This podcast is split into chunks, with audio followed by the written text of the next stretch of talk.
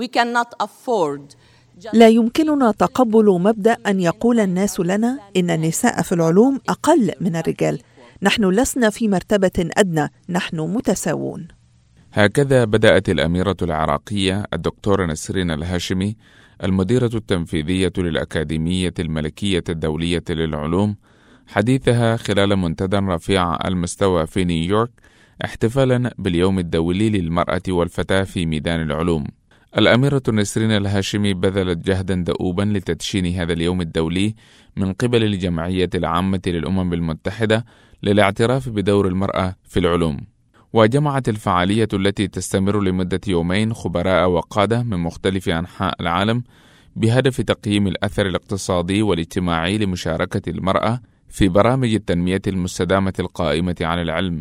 وشارك في هذا الحدث فريق رفيع المستوى يركز على تمويل القطاع العام للعلوم من أجل النمو الأخضر والاستثمار لجذب النساء من ذوات الكفاءات العالية والتمويل لضمان المساواة بين الجنسين في العلوم. تقول جولي ليفي وهي فتاة تبلغ من العمر 16 عاما وتطمح في أن تصبح طبيبة في المستقبل إنها تأمل في رؤية عالم يدرك فيه المزيد من الفتيات أن بإمكانهن تحقيق رغباتهن في العمل في مجال العلوم.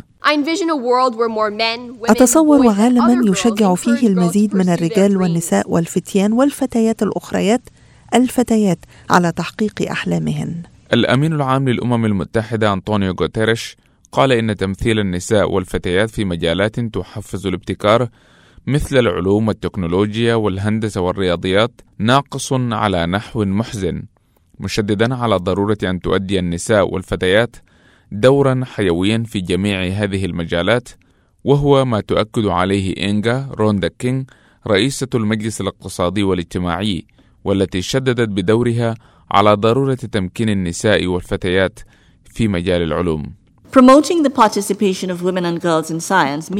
إن تعزيز مشاركة النساء والفتيات في العلوم يعني تغيير المفاهيم ومكافحة القوالب النمطية للجنسين والتحيزات التي تحد من شغف الفتيات وتوقعاتهن وأهدافهن المهنية منذ طفولتهن المبكرة. أنيا خان وهي طفلة شغوفة بالعلوم قالت إن نجاح الفتيات في مجال العلوم لا يجب أن ينظر إليه باعتباره أمرا استثنائيا. إن سبب احتفالنا اليوم هو للتأكد من أن المسألة ليست فقط للاحتفاء بالنساء المتفردات في هذا المجال ولكن للتأكيد على أنه أمر طبيعي بالنسبة للفتيات أن ينجحن في مجال العلوم والتكنولوجيا. تسخير منصات التواصل الاجتماعي قد يكون مفيدا لكسر الحواجز بين الجنسين في مجال العلوم. حسب ما تقول الدكتورة هيلينا دالي وزيرة الشؤون الأوروبية والمساواة في مالطا. يجب أن نحقق أقصى استفادة من الأدوات على منصات وسائل الإعلام الاجتماعي الشائعه من بين أمور أخرى لإظهار أن العلم ليس مجال جنس واحد.